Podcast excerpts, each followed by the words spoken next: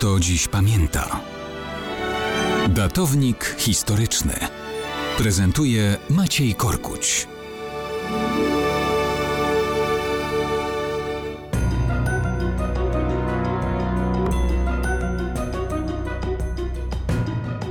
Mało kto dziś pamięta, że 11 października 1919 roku naczelnik państwa Józef Piłsudski podpisał akt odnowienia Uniwersytetu w Wilnie, czyli Uniwersytetu Stefana Batorego. Było to możliwe dzięki wyzwoleńczej ofensywie Wojska Polskiego, które wiosną 1919 roku wyparło z Wileńszczyzny i Wilna siły bolszewickie. Region zamieszkany niemal w 90% przez Polaków od razu budzi się do niepodległego życia. Nauka była jego częścią. W kilka tygodni po wyparciu bolszewików powstał Komitet Wykonawczy Odbudowy Uczelni.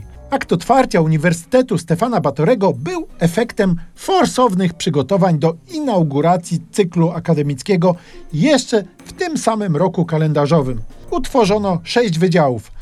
Uczelnia zaczęła normalnie funkcjonować. Niestety, wciąż czasy nie były spokojne. Tuż po zakończeniu pierwszego roku akademickiego, latem 1920 roku, Wilno znowu zajęli bolszewicy.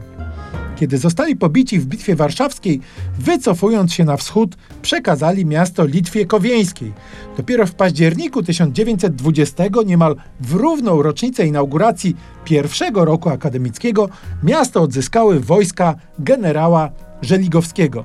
W 1921 roku Uniwersytet Stefana Batorego powrócił do normalnej działalności dydaktycznej. Później było kilkanaście lat normalnego funkcjonowania, jednak do 20. rocznicy odnowienia uczelnia w spokoju nie dotrwała. W 1939 roku do Wilna wkraczają sojusznicy Hitlera, wojska sowieckie, które zaraz potem tymczasowo przekazują miasto kowieńskim Litwinom. Przy okazji robią pierwszy krok do pełnej likwidacji litewskiej suwerenności. I niestety, przychodzi 15 grudnia 1939 roku. Władze Litwy Kowieńskiej Uniwersytet Stefana Batorego zamykają. Na jego miejsce powołują nową uczelnię z językiem wykładowym litewskim. Potem była okupacja niemiecka, a w 1944 roku, po ponownym wkroczeniu Armii Czerwonej, uniwersytet przerobiono już na prowincjonalną uczelnię sowiecką. To był prawdziwy koniec marzeń o przywróceniu do życia Uniwersytetu Stefana Batorego.